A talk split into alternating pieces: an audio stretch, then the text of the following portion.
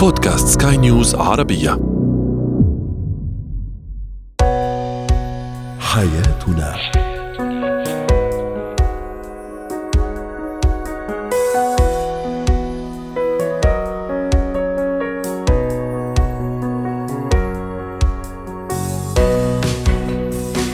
معكم آسيا البشارة أحييكم وأرحب بكم في عدد جديد من برنامج حياتنا. نهتم فيه بشؤون حياتكم بكل تفاصيلها ومختلف مجالاتها.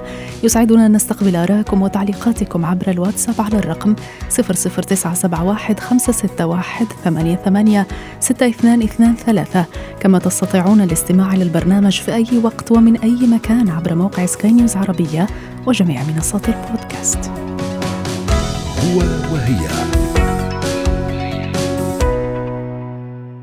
سنتحدث بداية عن أسباب وظروف تحول مشاعر الحب والرحمة بين الزوجين إلى مشاعر كره وانتقام. تنضم إلينا استشارية الصحة النفسية والعلاقات الأسرية والزوجية الدكتورة حنان النجم. مرحبا بك دكتورة حنان. كان قبل يومين حادث لسيدة قتلت زوجها بدم بارد وتفاعل رواد مواقع التواصل الاجتماعي مع مقابلة لها قالت فيها إن زوجها كان يستحق ذلك وأنها كانت متأكدة مما قامت به وراضية عنه وإنها ليست مختلة عقليا وهي بالمناسبة سيدة في الستينات من عمرها. في المقابل من يعرف الضحية يقول إنه شخص محبوب من طرف الجميع. طبعا البيوت أسرار لكن ما يهمنا اليوم ربما هو تساؤلات المتفاعلين مع القضية الذين استنكروا تحول مشاعر المودة والرحمة بين شريكين عاش مثلا لثلاثين عاما مع بعض وتتحول هذه المشاعر إلى كره وانتقام. كيف يحدث ذلك؟ آه، الحقيقة إنه تستغربي أحيانا إنه فعلا كيف ممكن هذا الحب اللي كان متأجج بين الطرفين ممكن إنه يتحول إلى هذه المشاعر الكره والبغض حتى عدم الرحمة والشفقة. أه, آه، الحقيقة إحنا لما رب العالمين قال لك إنه وجعل بينكم مودة ورحمة، أول ما تنشال الرحمة والمودة من قلب أي طرف من الطرفين اعرفي إنه الحياة هذه انتهت. طيب كيف تنشال المودة والرحمة؟ إيش الأسباب اللي بتخلي إنه ممكن الحب هذا اللي كان بين هدول الاثنين إنه ينتهي؟ أول شيء أكثر سبب بسبب الموضوع هذا هو الخيانة من, من أي طرف من الطرفين. هذا سبب يعني سبب مرة جدا قوي بيخلي العلاقة تصل إلى هذه المرحلة. آه، الثاني أكثر سبب هو الكذب. الكذب في العلاقة الزوجية بين أي أحد برضه حتى لو كان على المستوى البسيط. كمان بيخلي الطرف الآخر يحمل من الطرف الثاني. آه آه, آه، كمان آه عدم يعني اللي هو خلينا نسميه الذكاء العاطفي. اني أنا أسمع الطرف الآخر ما يحبه من رومانسية من كلام جميل من من من من ود من رحمة من كلمات أعبر عنها. بكلمات. آه، طبعا كمان اللي هو شعور الغيرة حب التملك أحيانا. قد يخلي الحب كمان ينطفئ بينهم. إني أنا بدي أتملك هذا الشريك بدي أنا أسيطر عليه بدي أعمل بدي أخليه دائما يمشي لعبة بإيدي زي ما أنا بدي بدي أغيره. كل هذه الأشياء بتخليها تصير تقولي لي 30 سنة. ما هي بتصير من أول شيء الحب الحقيقي اللي هو تبع العشق والوله بين أي طرف وآخر. أثبتت الدراسات إنه استحالة يستمر أكثر من سنتين إيش اللي بيصير بعد السنتين؟ بعد السنتين بتبتدي المودة الرحمة العشرة آه الاحترام. الاحترام المتبادل. لكن لما بيصير بعد موضوع السنتين أو الثلاث سنوات بصير في تأرجح في مشاعر الحب هذه. لكن بعديها بثبت إني أنا كيف أثبت هذه العلاقة وأخليها تستمر بمشاعر حب بطريقة أخرى. طبعا ليس هناك أي مبرر للقضية اللي حضرتك تكلمتي عنها الآن للست هذه أكيد في اختلال عقلي. لأنه إمساكهم بمعروف أو تسريحهم بإحسان. صحيح. أنت قادرة تعيشي معاه اتركيه. صحيح. وهنا في هذا السياق دكتورة حنان تحدثي عن شيء مهم تحدثي عن المنغصات الحياة التي قد تدفع الشخص إلى الانتقام مثل الخيانة مثل الكذب. وهذه الأشياء تسبب أذى عاطفي. ما أهمية اليوم أن أي شريك تعرض لهذا الأذى العاطفي؟ أن يجلس مع نفسه ويشوف إذا شفي تماما من من هذا الأذى بعدين ياخذ قرار هل يستمر في هذه العلاقة أو لا يستمر. لأنه أحيانا مثلا آه، تجدي شريك تعرض للخيانة لكنه في نفس اللحظة لظروف الأولاد وظروف العائلة وظروف شو راح يقولوا الناس. ممكن إنه يكمل لكنه هو لم يشفى من ذلك الأذى. الآن في عندي أنا كل مقدرة كل شخص على التحمل تختلف من شخص إلى آخر. صحيح. okay؟ وكل المعطيات في حياتنا تختلف أيضا من شخص إلى آخر. أنا مثلا بشوف هذا الشخص كل إنسان okay بيغلط ما اختلفنا. لكن لو حسيتي لو حس الطرف هذا إنه الطرف الآخر ندم على ما فعل؟ وإنه فعلا آه، آه، آه، يعني قادر يسامح يوصل إلى مرحلة من الترفع. ويتسامح مع الطرف الآخر بسبب هذه الخيانة أو الكذب أو أو أو أو. طبعا أكثر شيء هو الخيانة لأنها كثير بت يعني بتحسس الطرف الآخر بعدم الأمان بينتج عنها أكثر من شيء. لكن اذا إذا هو قادر وقدر يستمر it's fine وإذا لم يستطع الاستمرار مع جلوسه مع نفسه مع إنه يستشير ناس تساعد أحيانا لو ما قدر إنه يأخذ القرار ناس متخصصة في العلاقات الزوجية أنا بقول إنه يعني يذهب بسلام. يذهب بسلام لأنه حتصير الحياة بعدها مش بس خيانة حيصير في بعدها مش بس إنه تأثر من هذه الخيانة لا حيصير في كره رح تصير الحياة جحيم ولا واحد مرتاح. بالضبط بالضبط. انسحب طيب كانت يعني تفضل نعم ما هي النصائح الأخرى لنختم دكتورة حنان التي آه، توجهينها لكل من بدأت تراوده آه، هذه مشاعر الانتقام وقد تكون مشاعر الانتقام ليست لدرجة القتل مثل الحادثة التي آه، وردناها كمثال لكن نعم. فقط بالقيام بأمور تزعج الشريك أو نعم. يعني قد تزعجه في عمله أو في عائلته أو في علاقاته أول شيء أول شيء لازم أوضح لكل المتزوجين أن هناك شيء اسمه لغات الحب الخمس. آه الكتاب لجاري تشابمان بنصح كل الناس إنها تقرأه. كيف أتعامل مع الشريك حتى لا أصل إلى هذه المرحلة أستاذة آسيا؟ أول نعم. شيء كلمات الحب المتبادلة بين الطرفين. أعرف شو الكلمات اللي بتحب بيحب إني أنا أناديه فيها أو يناديني فيها. رقم واحد. رقم اثنين تبادل الهدايا بالمناسبات. أي مناسبة حتى لو كان مش لازم هديه كثير بس أبين لك إني أنا I care إني أنا أهتم بك. الأعمال الخدمية كيف يعني؟ يعني مثلا ليس هناك أي مانع إن رجل يساعد زوجته في الأعمال المنزلية. نعم. إني أنا أجيب لها مين يساعدها. إني أنا أساعده لو هو بده مني أعمل له شيء why not الشيء الرابع إني أنا الاتصال البدني. طبعا العلاقة الزوجية إنها تكون علاقة زوجية سوية من الاتصال البدني أيضا. آه، وأكثر شيء كمان آه، مهم إني أنا أقضي معه أو هو يقضي معي شيء نعمله مع بعض بحب. كيف يعني؟ مثلا لعبة معينة. نسافر مع بعض في مكان. مفهوم. نتشارك في شيء اجتماعي مع بعض. نعم. آه هذه الأشياء بتقوي العلاقة. أول ما تحس حالك أو تحسي حالك إنه أنت you are not okay تكلم. صحيح. لازم يكون في كلام مشترك بين الطرفين. بهذه الحكم والنصائح دكتورة حنان نجم استشارية الصحة النفسية والعلاقات الأسرية والزوجية نشكرك جزيلا. زينة الحياة. إذا تنضم إلينا الآن الدكتورة همسة يونس الخبيرة النفسية والتربوية. أهلا بك دكتورة همسة. نتحدث عن طرق إخبار الطفل بمرضه خاصة إذا كان مرض مزمن. واسمحي لي دكتورة أن أتكلم عن حال من الواقع المعاش لصديق ابنه عمره ثمان سنوات أصيب بمرض سرطان الدم منذ فترة قصيرة. هذا الطفل يتيم الأم بالمناسبة وكان يدون يوميته على ال social media وكان في كل مرة يؤكد الأب أن الطفل يفاجئه بقوته صموده ومستوى معرفته بالمرض وبكل ما يدور حوله. كان هذا الطفل يعطي لكل من يتابع الحساب دروسا في الصبر. في الرضا في عدم الاستسلام.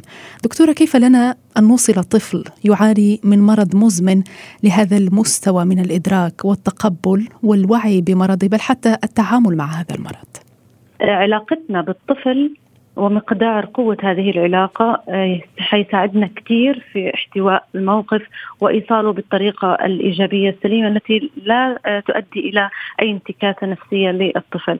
آه، ثانيا مهم جدا أن نعلم أن الطفل كلما ساعدناه على أن يتفهم حالته كلما أبدى تجاوبا عاليا جدا.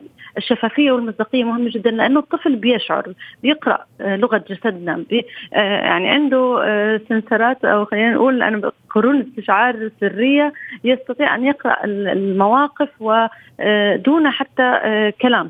فلذلك إنه إحنا نسعى لاخفاء هذا الموضوع على الطفل سواء مرض السرطان أو أي مرض آخر. هو يعني إحباط للطفل وايصال رسائل سلبية إنه آه، إنه هو لا يستطيع أن يتجاوز ما هو فيه. آه، وربما أيضا خيال الطفل آه، يبني أمور اسوء من الحقيقة واسوء من الواقع لأنه هو شايف حواليه الحالة النفسية السلبية التي مهما حاول الأهل إخفائها آه، ستصل إلى الطفل. فبالتالي آه، آه، قد يبني بخياله أفكار لا تتناسب أو تكون أسوأ من ما هو عليه. أيضا الجهل بالشيء يؤدي إلى الكثير من الخوف. لذلك أنا دائما بقول للأمهات إنه كلما بحثنا عن المعرفة كلما كان في وعي كلما قل هذا الخوف. وأيضا في هذه الحالة نفس الشيء. كلما وعينا الطفل وتحاورنا معه حول آه، مرضه كلما قل خوفه وبالعكس سنفاجأ بإيجابية الطفل آه، وحبه للحياة سنفاجأ أيضا بأنه يبتكر أساليب ليخفف آه، عن نفسه مشاعر السلبية ويخفف عن الآخرين لأنه خلينا نوصل لنقطة مهمة. الطفل عنده استعداد وقابلية للشعور بالذنب تجاه الآخرين حتى لو لم يكن له يد في الموضوع. مخطئا نعم. نعم فهو يشعر أنه أن هذا المرض بسببه بسبب ربما آه، لاحظي حيبدأ يبني آه، بعض الأفكار اللي مش منطقية لكن هكذا هكذا يفكر الطفل غالبا إنه أنا ربما لأني أسأت التصرف آه، ف يعني هذا عقاب إلي لأني أنا أسأت التصرف يوما ما مع ماما أو لم أدرس جيدا أو لا يمكن أن يعني نحيط بكل ما آه، قد يفكر فيه الطفل. آه، طيب لذلك مصداقيتنا تخفف من مشاعر الذنب آه، عند الطفل.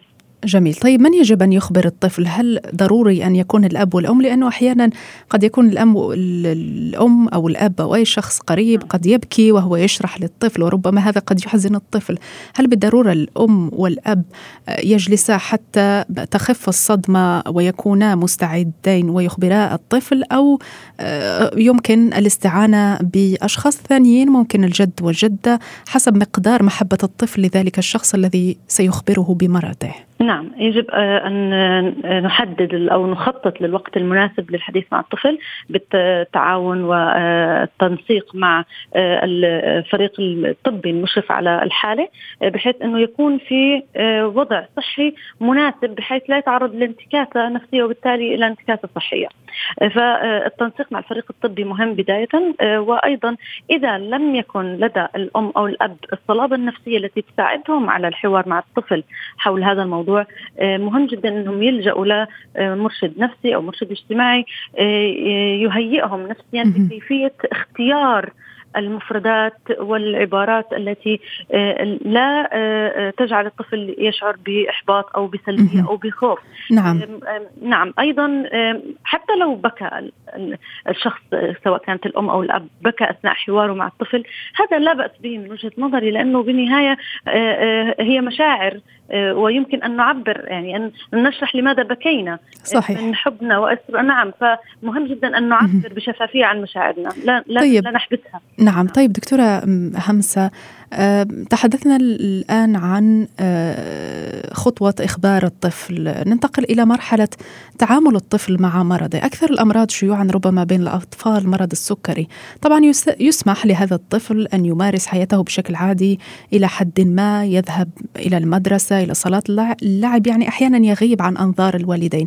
كيف يمكننا أن نمنعه مثلا من أكل مثلا أنواع معينة آه، من الوجبات التي قد قد تضره وأيضا كل الممنوعات التي تزيد من من من حدة مرضه.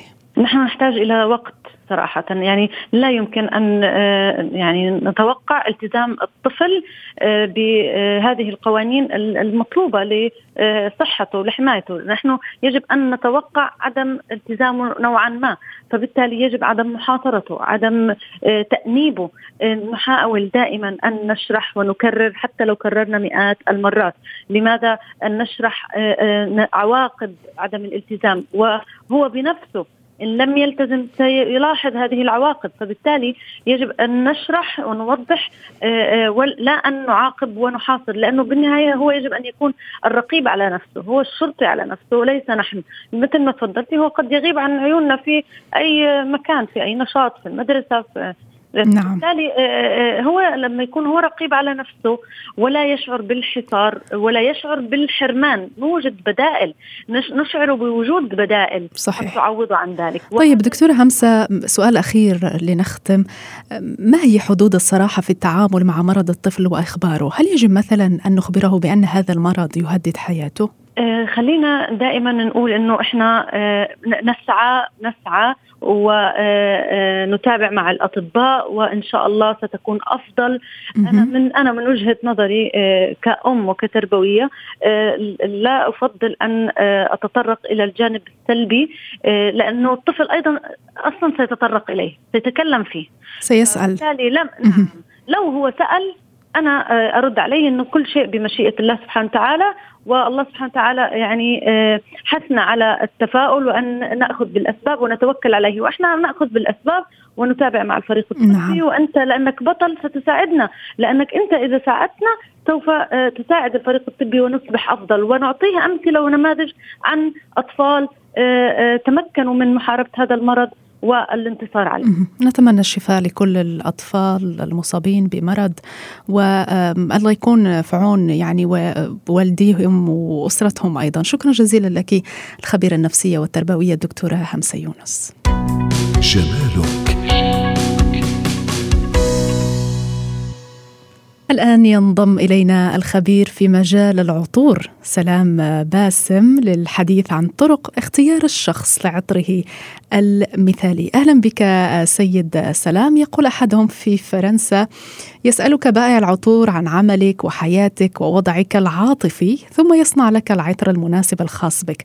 أنت كخبير عطور ويريد أحد مستمعينا أن يختار عطرا خاصا به كيف لك أن تساعد أن تساعده يعني؟ هل تطرح عليه أسئلة معينة؟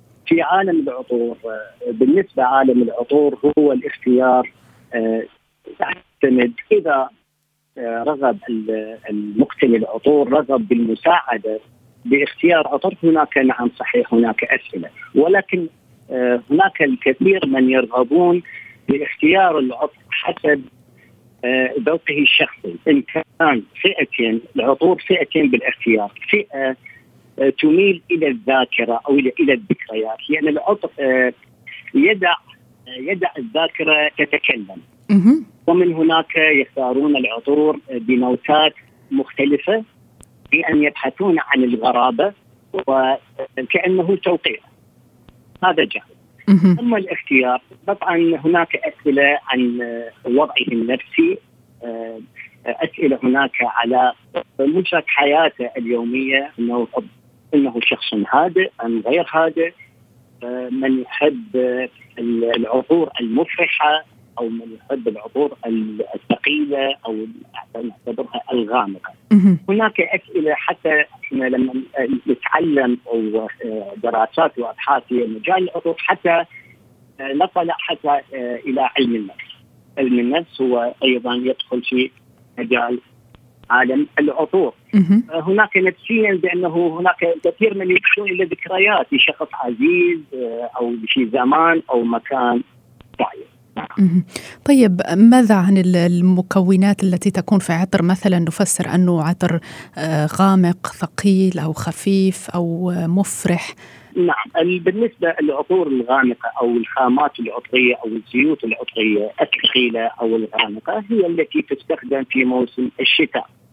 وهي مثلا مثلا الزعفران الباتشولي آه، خشب آه، خشب الصندل نوعا ما. خشب الصندل نعم يستخدم في موسم الصيف وموسم الشتاء ولكن في موسم الشتاء يكون أجمل. أما في موسم الصيف وإحنا نقول النوتات المفرحة لأن العطور التي تستخدم في الصيف نستطيع أن تستخدم في موسم الشتاء. غير مقيده، أما العطور الثقيلة أو الغامقه تستخدم في موسم الشتاء فقط. من أحد النوتات المفرحه مثلا الحمضيات، الفواكه، الزهور، آه آه، مثلا خشب الصندل أيضا يدخل في مكونات عندما يتفاعل مع المكونات الأخرى قد يسبب أيضا ارتياح نفسي. هل هناك اختلاف بين العطور التي يجب وضعها صباحا والعطور التي يجب أن نضعها مساء؟ بالنسبة لموسم الصيف دائما آه، تكون العطور غير مقيدة لأن العطور آه، التي تستخدم في موسم الصيف هي عطور خفيفة، عطور منعشة، آه، يعني لا تقيد صحيح هناك من يستخدم هناك عطور تستخدم في موسم الصباح خاصة آه، الزهرية الخامة العطرية الزهرية أو الخط الزهري. الخط الزهري آه، متكون من نقطتين، النقطة الأولى صناعة العطر الزهري من أوراق الزهور وهناك طبعا يستخدم في موسم الصيف عند الصباح. هناك عطور الزهريه تدخل في صناعة العطور من رحيق الزهور. من رحيق الزهور آه، تكون آه، لها حديه نوعا ما حدية نوعا ما ولها sweet نوعا ما sweet حلا sweet يعني تكون أكثر حدية وأكثر حلا. هذه تستخدم آه، في في المساء. نعم. أريد أن أستفسر آه، عن شيء آه، بما أنك خبير طبعا في مجال العطور. يقال أن نفس العطر يختلف من جسم إلى آخر يعني عند وضعه عن لجسم معين يختلف لجسم آخر. إلى أي حد هذا صحيح؟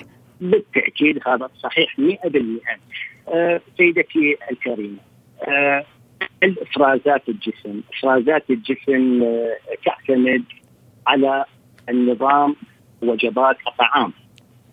يعني وجبات الطعام. يعني هناك من يرغبون بأن يكون الطعام مثلا آه، حوامض. يعني دائما شوفي آه، مثلا آه، يعني إيش الكميه من الحمضيات أو الليمون على طعام إلى آخره وهناك من يحب السكريات وهناك من يحب الحار.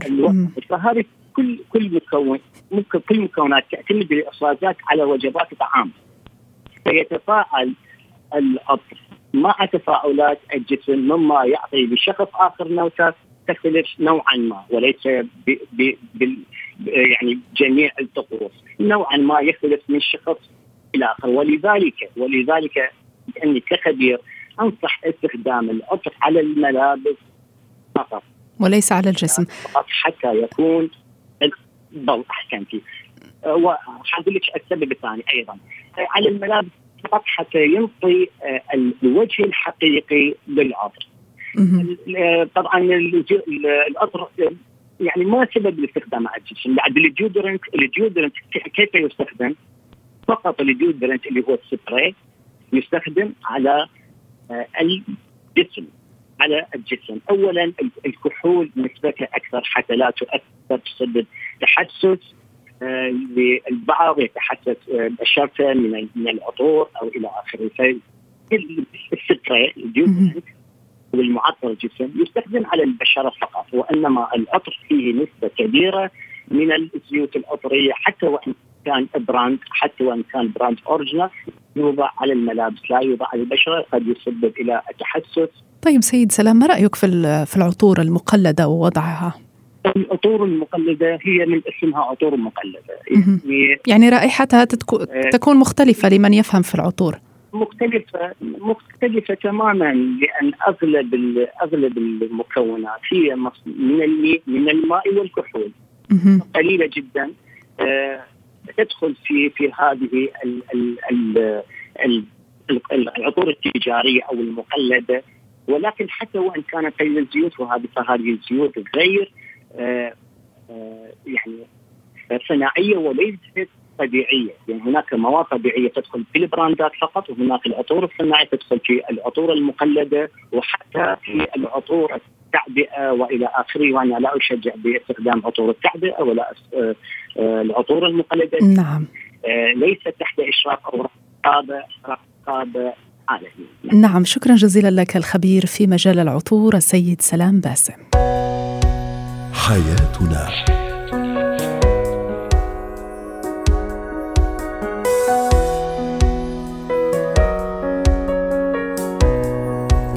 ختام حياتنا إلى اللقاء.